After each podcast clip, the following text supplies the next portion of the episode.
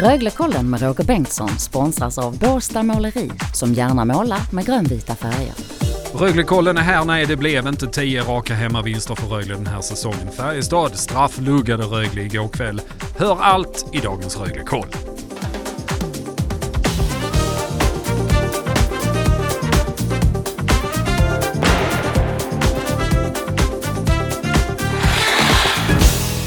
Tjo hej och varmt välkommen till Röglekollen denna onsdagsmorgon när vi plockar ner matchen igår kväll mellan Rögle och Färjestad. Den 22 matchen för Rögles räkning den här säsongen. Eh, den tionde på hemmaplan. Skulle det bli ännu en vinst för Rögle? Nej, det blev det inte. Färjestad vann på straffar. Detta trots att Rögle hämtade i kappet 1-3 underläge till 3-3 vid full tid. Och till sist kunde Färjestad straffvinna. Tar med sig två poäng. Men eh, Torgny Lövgren, dagens expert i Röglekollen, Ska man förlora så kan man ju göra det och ändå ta poäng som Rögle gjorde igår kväll. Ett styrkebesked trots allt. Ja absolut, det var en eh, jämn match också. Två väldigt eh, bra lag. Eh, riktigt bra tempo, bra fart, mycket målchanser. En match som kunde gått lite på vilket håll som helst. Ja, egentligen. för så jämnt var det. Ja det var det. Det var spelmässigt väldigt jämnt. Och man kom tillbaka två svängar. Man eh, låg under 0-2, man låg under med 1-3. Så tittar man på det viset så var det ganska starkt att komma tillbaka och ta en poäng. Ja och det var nära i slutet att Rögle faktiskt hade kunnat ta alla tre. Hade läge på 4-3 ett par gånger om Adam Tambellini ett skott i ribban i slutet i, i powerplay. Ja, man skapar ganska mycket chanser där och med lite flyt så hade man ju mm. fått med sig alla. Men eh, det är inte riktigt eh, Tambellinis eh, kväll idag heller. Han har Nej. haft lite oflyt nu ett tag och mycket stolpe ut. Sånt som händer. Eh, bättre än sparat slutspelet då, säger jag.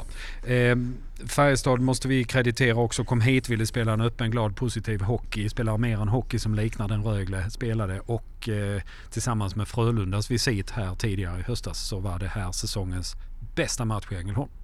Ja det tycker jag. Det var lite slutspelskaraktär faktiskt. Eh, två lag som verkligen ville vinna. Rätt mycket känslor och mycket närkamp och mycket fysiskt spel. Så att eh, det var en eh, ja, klart bra insats från båda lagen.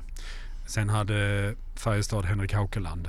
Johan Gustafsson i Röglekassen, inte dålig på något sätt. Men Haukeland överglänste honom idag.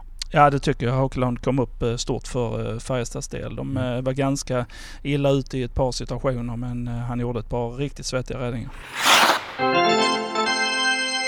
Togges topp 3. Ja, då tar jag Haukelands räddning på, eh, i första perioden. Han gör en fantastisk räddning på ett långt överspel och direktskott från Ryfors där han glider över och gör en jätteplock. Det kan bli omgångens räddning skulle jag tro. Jag tycker inte vi behöver rösta om det. En fantastisk va? Ja, riktigt fint var det. Mm. Riktigt bra gjort. Nästa grej? Då lyfter jag fram eh, Mos Seider. Han eh, tycker jag har varit eh, fantastiskt bra länge men eh, igår var det ändå ett snäpp upp. Eh, mer fysiskt spel och han eh, klev ju upp eh, ännu större faktiskt och det passar han som handen i handsken. Han har eh, fina handleder, otroligt bra blick, en skridskoåkning från himlen. Och så spelar han dessutom fysisk hockey. Han har allt den pågen. Ja, han delar ut ett par riktigt fina eh, tacklingar igår ja. med fin timing och han har eh, bra tyngd och stabilitet i kroppen. Och känsla för när han ska sätta dem och inte. Ja, och absolut inget fult utan helt ärligt och kliver upp bra. Så att eh, han gjorde en, på nytt en toppmatch. En attraktion i SHL. Eh, njut medans han är här, säger vi. Eh, och den sista grejen. Det sista tycker jag är det viktigaste nästan. Det är att eh, både Pallala och Bristedt fick hål på det igår. Måltorkan är över. De har fått slita ganska hårt för det ett tag. Och säkert känns lite frustration så att nu hoppas vi att spelet kan lossna rejält för dem båda en eminent topp tre Togge. Vi måste bara blicka lite glada in emot eh, morgondagens Skånederby som kommer att avsluta höstsäsongen. För sen är det juluppehåll och sen det som följer efter får vi ändå kalla någon form av vårsäsong.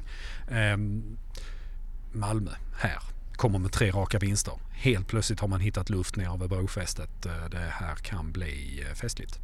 Ja, det är synd att det inte har fått komma in lite folk bara för det hade det varit fullsatt. Men eh, en kul avslutning och eh, förhoppningsvis så eh, avslutar eh, Rögle med en vinst i det derbyt också. Så vore är väl en fin julklapp till de flesta. Om vi tittar på det rationellt Tåge, inte bara på känslomässigt.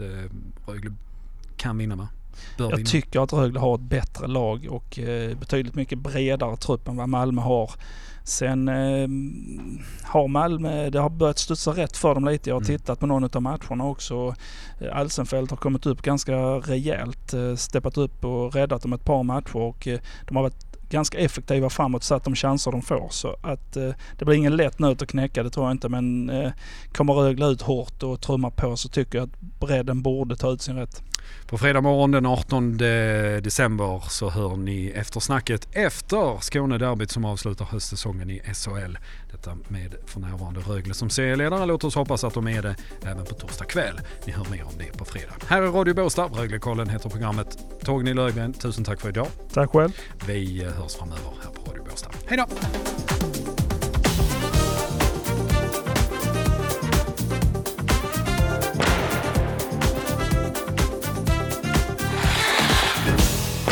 Du har hört Röglekollen som görs i samarbete med Båstad Måleri.